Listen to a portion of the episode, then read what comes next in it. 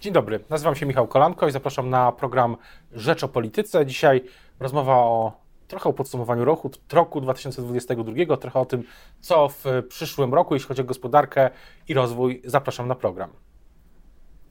A Państwa i moim gościem jest dzisiaj Waldemar Buda, minister rozwoju technologii. Dzień dobry. Witam serdecznie. Niedawno przedstawił Pan program mieszkaniowy, nowy program mieszkaniowy. Czy pytanie, y, pierwsza rzecz, on ma obowiązywać, od, jeśli dobrze, jeśli się nie mylę, od, od przyszłego roku, czy od połowy przyszłego roku. No i pytanie, ile rząd przeznacza na, to, na ten program funduszy, ile on będzie kosztował? No to w, w, skali roku mierzymy, ten, e, mierzymy wydatki w tym zakresie.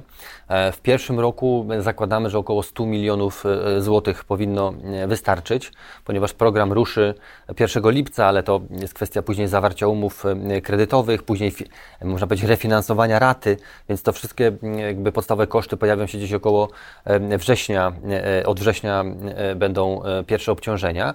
W kolejnych latach to już jest mniej więcej 800 milionów złotych i takiego rocznie. Pro, rocznie, takiego, później to będzie narastało, bo płacimy raty, które e, są z jednego roku, plus dochodzą kolejne. Natomiast tak dużego programu, jeśli chodzi o skalę wydatków państwa, nie było i trzeba to docenić, że to jest bardzo szeroki program. Ale to, to, ten program wywołał spory oddźwięk, takie mam wrażenie, ale jeden z głównych zarzutów, jeśli chodzi o ten program, jest taki, że on wzmacnia, yy, wzmacnia stronę popytową, nie wzmacnia podaży na rynku. A drugi, drugi zarzut jest taki, że on przede wszystkim jest skierowany do klasy średniej, że są wyliczenia, które pokazują, że jeśli ktoś ma, e, zarabia średnią krajową, to jest singlem, to będzie go stać na niewielkie mieszkanie czy pół mieszkania w Warszawie. E, że ten program jest po prostu dla tych, którzy i tak chcą kupić mieszkanie i wzmocni tylko ich, e, przyspieszy ich te decyzje. Znaczy, Dobrze sytuowanych. On jest rzeczywiście e, e, pobudzający popyt i tak dokładnie powinno być w dzisiejszych czasach. Jaki dzisiaj mamy problem na rynku nieruchomości? To znaczy zamarł popyt w związku z brakiem zdolności kredytowej Polaków. Natomiast buduje się i tak bardzo dużo mieszkań. W 2022 roku będziemy mieli blisko rekordu wolnej Polski. 217 tysięcy mamy do końca listopada, więc zakładam, że około 230 tysięcy. Więc nie brakuje mieszkań na rynku.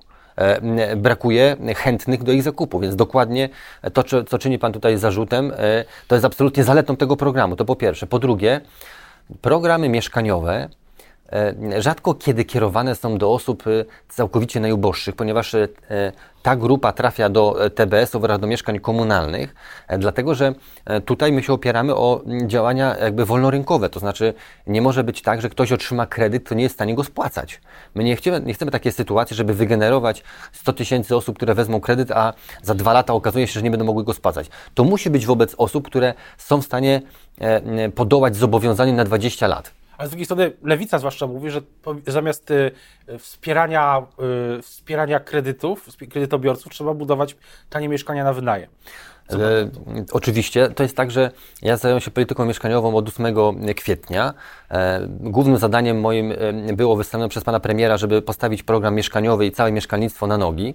E, I to jest pierwszy krok. Natomiast ja w kolejnych krokach pokażę rozwiązania dotyczące najmu, ale proszę zobaczyć, co się zadziało w, w tym roku, 2022 roku. Rekordowa ilość wybudowanych mieszkań komunalnych. Dlaczego? Bo zwiększyliśmy dofinansowanie do 85% mieszkań komunalnych. Buduje się ich Kiedyś się budowało po 2-3 tysiące, e, teraz się buduje po 8-10 tysięcy. Ale mówi Pan, kolejne kroki dotyczące najmu, może Pan trochę uchylić rąbka tajemnicy, o co tu o co chodzi? To jest e, właśnie idzie w myśl tego pomysłu lewicy, żeby budować tanie mieszkania na wynajem? Tak jak...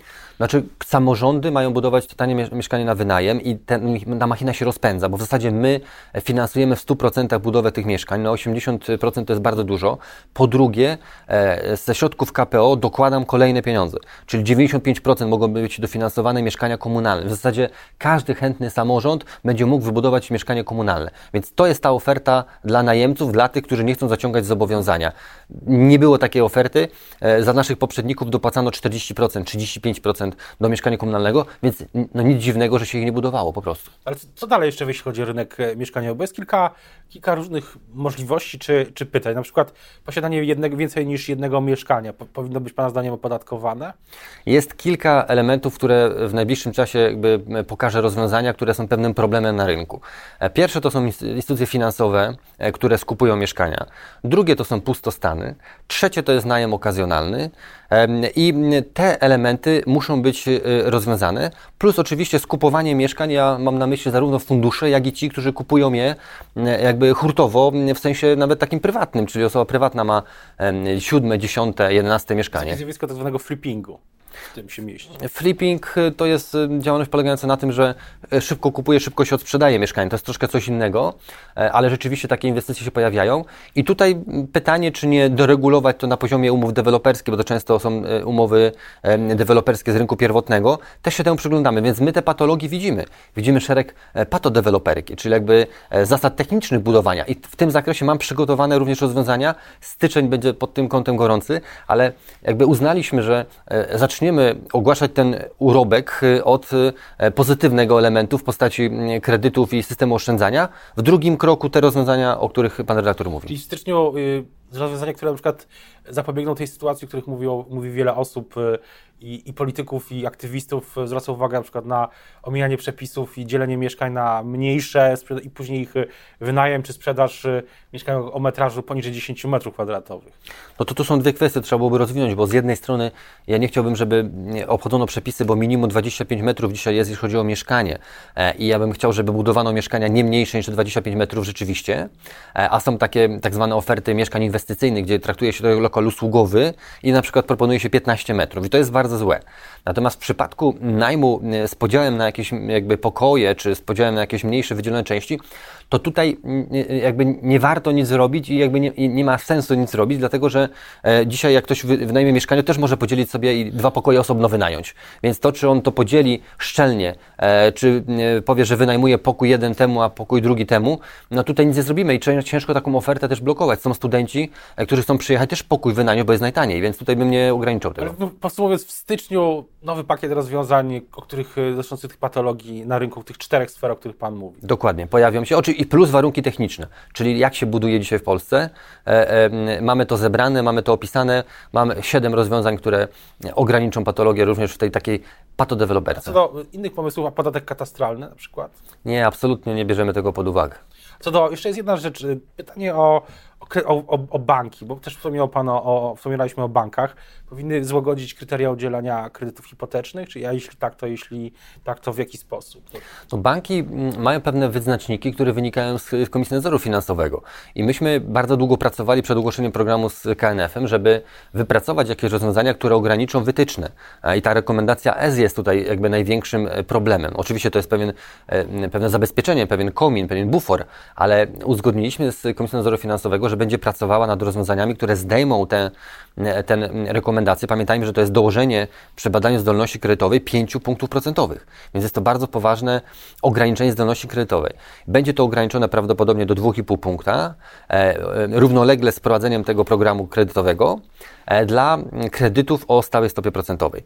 Więc e, mamy krok w tej sprawie i ja najbardziej się obawiałem, że zdolność kredytowa może być e, problemem dla tego programu, dlatego tak długo rozmawialiśmy z Komisją Nadzoru Finansowego. Co do KPO wspominał Pan Krajowy Plan Odbudowy, no i też pamiętam, że mówił Pan, że w styczniu 2023 roku, że to się rozstrzygnie. Pan to podtrzymuje, że styczeń przyszły miesiąc będzie decydujący? No w styczniu podejmujemy pracę nad ustawą zmieniającą ustawę o Sądzie Najwyższym, więc to jest kluczowe, ponieważ to jest pewnego rodzaju warunkiem dla E, uruchomienia środków z Krajowego Planu Odbudowy, więc styczeń będzie taki kluczowy e, z punktu widzenia tego, co zadzieje się w Polsce i później to się przełoży na działania e, na poziomie europejskim, w Komisji Europejskiej. Czy uważa Pan, że w świetle tego pewnego mm, opóźnienia KPO powiem, czy musi być, czy powinien być, albo będzie renegocjowany, bo to wszystko można, tak jak rozumiem sytuację, że pewne zapisy można renegocjować jeszcze.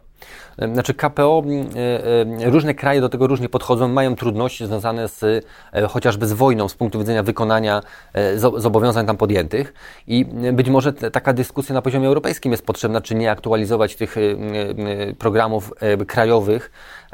Pamiętajmy, że wiele propozycji, które są zawarte w KPO dotyczą transformacji energetycznej i okazuje się, że na przykład niektóre trendy były takie, żeby stawiać na przykład na gaz, y, który jest ekologiczny, ale dzisiaj mało dostępny z punktu widzenia Europy. A wiele krajów y, próbowało środki lokować na takie inwestycje, więc y, ja nie wykluczam, że taka dyskusja będzie. Samo rozporządzenie mówi o tym, że do końca 2023 aktualizacja KPO poszczególnych krajów jest możliwa.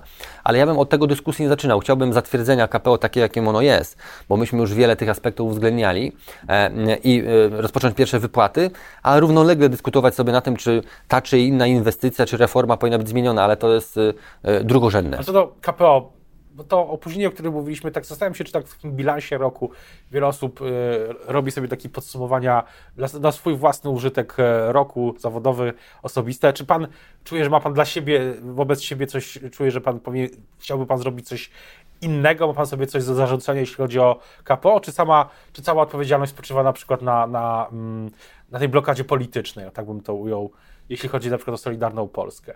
No, ja miałem za zadanie e, e, doprowadzić do zatwierdzenia KPO.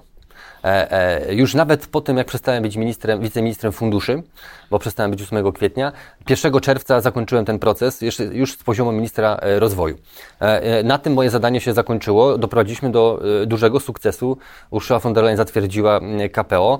Pracowałem również nad ustawą prezydencką, która Mm, no później na ostatniej prostej została trochę z, z, zmieniona i też y, wywołała pewne dyskusje y, na poziomie europejskim. Natomiast zadanie moje zostało wykonane. Natomiast teraz jest absolutnie dyskurs polityczny polegający na tym, że no, jest pytanie, czy Polska te środki powinna otrzymać z punktu widzenia wpływania na procesy e, polityczne w Polsce. I e, tutaj jest to zupełnie inny poziom i to wymaga rzeczywiście dyskusji na poziomie komisarzy, żeby doprowadzić do odblokowania tych środków i myślenia takiego proeuropejskiego. Jeszcze do KPO wrócimy, ale ta dyskusja polityczna, bo minister Szymon Szynkowski-Welsenk i też politycy i też premier Morawiecki sugerują, że każda zmiana w tej ustawie, o której mówiliśmy wcześniej, może otworzyć czy y, utrudnić porozumienie, y, dalsze porozumienie z komisją i odblokowanie KPO, ale z drugiej strony są zarzuty prezydenta, dosyć poważne, e, też kuluarowe, oficjalne, to słynne wystąpienie przed mhm. świętami.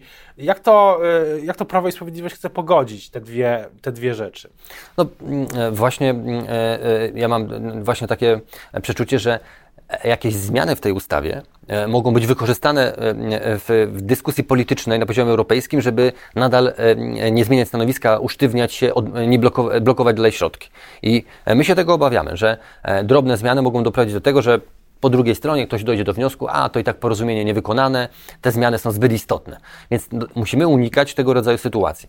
Natomiast y, ja mm, jakby nie dziwię się w ogóle sytuacji, w której prezydent chce tej debacie uczestniczyć. I w mojej ocenie jego głos przed świętami to był głos jakby chęci wejścia do, do dyskusji, do prac nad y, ustawą i da, na, w proces, który jakby dotyczył zmiany ustawy o Sądzie Najwyższym. Bo pamiętajmy, że zmieniamy ustawę o Sądzie Najwyższym, która no, została zmieniana prezydencką ustawą, więc jakby naturalna tutaj jest ochota i jakby chęć uczestniczenia w tym. Natomiast tam nie było żadnego sformułowania, które by jakby wykluczało tę ustawę. Oczywiście gdzieś granice zostały postawione, że status nie może kwestionować prerogatyw i tak dalej, ale przecież to nie, jakby nie, nie, nie odwołało się do jakby zapisów ustawowych konkretnych, bo akurat ta ustawa, którą e, przedstawił minister Szynkowski, e, wcale tych prerogatyw nie narusza. Więc ja jestem tutaj, jeśli chodzi o pana prezydenta, dobrej myśli. Co do, wracając do samych e, kamieni, to będziemy śledzić w przyszłym, w przyszłym roku już pierwsze posiedzenie Sejmu 11 stycznia będzie to wszystko uważnie obserwowane, ale co do samych kamieni milowych, bo to jest słowo kamień, to zwrot kamienie milowe to jeden ze zwrot chyba,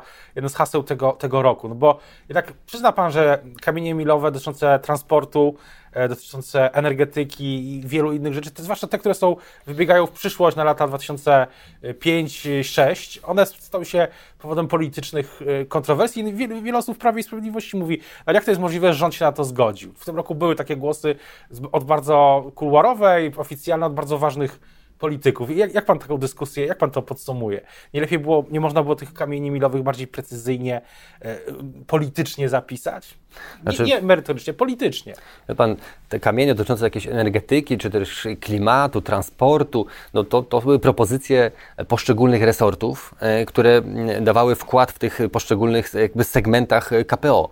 E, ja się tym nie zajmowałem, jakby co ma być w transporcie z punktu widzenia ministra funduszy. Ja to spajałem jako mm, e, jakby całość, więc jakby jak Ministerstwo e, Klimatu proponowało jakieś rozwiązania, no to z poziomu jeszcze wtedy wiceministra ciężko było mi jakby kwestionować i mówić, czy to jest zasadne, czy niezasadne, czy ma na to zgodę polityczną, czy ktoś nie ma na to zgody politycznej. No ja byłem poza tym, no jakby jak ktoś prezentuje to jako minister, no to ja rozumiem, że ma uzgodnienia w tym zakresie, ma porozumienie i wie, jaki jest trend, ale mnie to też śmieszy ta dyskusja w zakresie transportu i tak dalej. My niemalże codziennie e, komisja podejmuje jakieś e, decyzje, których jesteśmy zobowiązani je wykonać e, i to wcale KPO nie dotyczy, bo przecież wydają, wydaje rozporządzenia, wydaje dyrektywy, które na nas wprost wiążą do zmiany przepisów, które są w Polsce.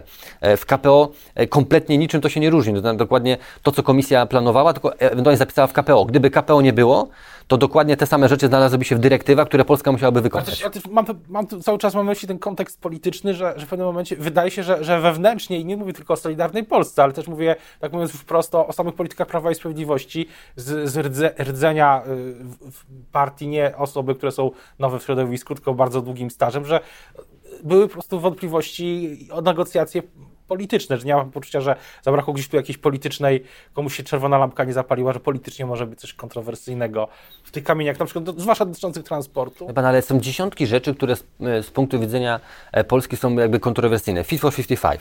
To się dzieje teraz. Mnóstwo decyzji w tej sprawie zapada. E, szereg rzeczy musimy podejmować w tym zakresie, więc ja, ja rozumiem, że to są rzeczy nowe, bo my żyjemy dzisiaj w czasach, w których, no tak jak Pan mówi, że dla nawet starszych osób to, to są rzeczy rewolucyjne. My przechodzimy transformację na oczach i to w takiej dynamice, gdzie wojna przyspieszyła to razy trzy. Więc wszystko może dzisiaj dziwić, ale jakby, no, jakby nie zmienimy tego świata, że świat jest e, tak dynamiczny, że te zmiany postępują bardzo dynamicznie i ja nie dziwię się tym, którzy nie są w procesie, bo e, e, jak na przykład zapytać Ministerstwo Klimatu, co powinno być wykonane z punktu widzenia prawa europejskiego w najbliższych dwóch latach, to jakby to dzisiaj ogłosić, to mnóstwo rzeczy byłoby dużym zaskoczeniem, a trzeba to zrobić, tak? Plastyk, wymiana, wymiana, wymiana tworzyw, recycling i tak dalej, i tak dalej. Miliard rzeczy, które tam trzeba, trzeba wprowadzić. Strefy jakieś niskoemisyjne, e, ograniczenia co do pieców, jakieś spalania. Mnóstwo rzeczy, które nie wynikają wcale z KPO. E, I to się po prostu dzieje i my musimy mieć świadomość tego, że e, ta, trans ta transformacja mm, klimatyczna Unii Europejskiej to jest religia. E, jest, można powiedzieć, znak równości między transformacją energetyczną i ochroną klimatu i Unią Europejską. Ale też, ale też zawsze pojawiają się głosy, i to jest bardzo ciekawy wątek, y, ale nie mam y, głosy o to, że, że ona musi być też sprawiedliwa. Też mówi to, mówi to czasami, y, też mówi to, mówią to politycy środowiska koalicji rządzącej, że ona musi być sprawiedliwa, bo inaczej ludzie, którzy, mówi też na przykład to środowiska pozaparlamentarne, nie wiem, agrounia, że jeśli na transformacji stracą ludzie tak, jak stracili na transformacji z komunizmu w kapitalizm, na transformacji energetycznej, jeśli tak stracą, to będą gigantyczne koszty społeczne i polityczne też. To jest pełna zgoda. Cały rząd tak mówi. Przecież nasze stanowiska na Radach Europejskich do spraw klimatu, które prezentuje pani minister Moskwa, e, w tym kierunku idą. My zawsze wskazujemy na ten aspekt społeczny, że proszę bardzo reformy, ale po pierwsze w tempie, które są adekwatne do poszczególnych krajów, e, a po drugie zabezpieczenie najsłabszych. I zawsze powtarzamy to i to się przekłada na konkretne rozwiązania i nikt nie ma tutaj wątpliwości, tylko każdy czas ma swoje strachy. E, e, tak to jest opowiadane później w historii. To znaczy, e, pamięta Pan, 3-4 lata temu kampania w 2019 roku była oparta o walkę z 5G. E, zmora czasów, która ja myślę, zabije cywilizację. Ja powie Pan coś innego, że był strach przed e, podwyżką płacy minimalnej. E, też, ale proszę pamiętać, że to, było, to, było, to była wielka gra. W 2015 roku była wielka dyskusja, czy, czy, czy wiatrak może spowodować, że żyje się gorzej, że, że może to powodować jakieś zjawiska i tak Dzisiaj tego już nie ma. No nie, Każda nowa rzecz, każde nowe rozwiązanie powoduje pewne obawy. I teraz pytanie jest takie, czy odpowiedzialni politycy e, wykorzystują to, czy o tym dyskutują, bo to jest ta różnica. Bo jeżeli widzimy jakieś nowe, nowe rozwiązanie, to trzeba je tłumaczyć, trzeba o nim mówić, pokazywać za i przeciw. Ale jeżeli pewną niewiedzę w tym zakresie społeczeństwa wykorzystuje się do wzbudzania nastrojów negatywnych, to to już jest bardzo złe. Co do wiatraków akurat no to też jest otwarta kwestia, ustawa wiatrakowa nieodblokowana. Ona już jest przygotowana. E, główne założenia powstały w Ministerstwie Rozwoju i Technologii. Ja ją przekazałem do Ministerstwa Klimatu. Tam dokonano pewnych zmian, ale ona w tej podstawowej wersji jest, jest w tym rozwiązaniach przyjęta przez nas e, i e, czeka na prace parlamentarne. Zakładam, że najbliższe posiedzenia to będą te, które będą tę sprawę procedowały. Na koniec jeszcze pytanie o przyszły rok w takiej makro, makroskali. Inflacja spadnie? Oczywiście, że rok do roku to ja nie mam najmniejszych wątpliwości, że będzie gdzieś w granicach, nie wiem, może, może, może 12, e, może, No, może niżej. roku. Tak. Mówię o całym roku, tak. PKB, na ile poważna będzie, poważne będzie to spowolnienie, bo e, jest taka teoria, i to mówił prezes Kaczyński w tym roku, że PiS nie pozwoli na schładzanie gospodarki, w, w tak jak prezes Kaczyński mówił tutaj o strategii Balcerowicza, ale z drugiej strony ta gospodarka już się schładza i tak, będzie wyższe bezrobocie, e, będzie też e, spowolnienie gospodarcze, być może re- recesja. Jak, jak poważna?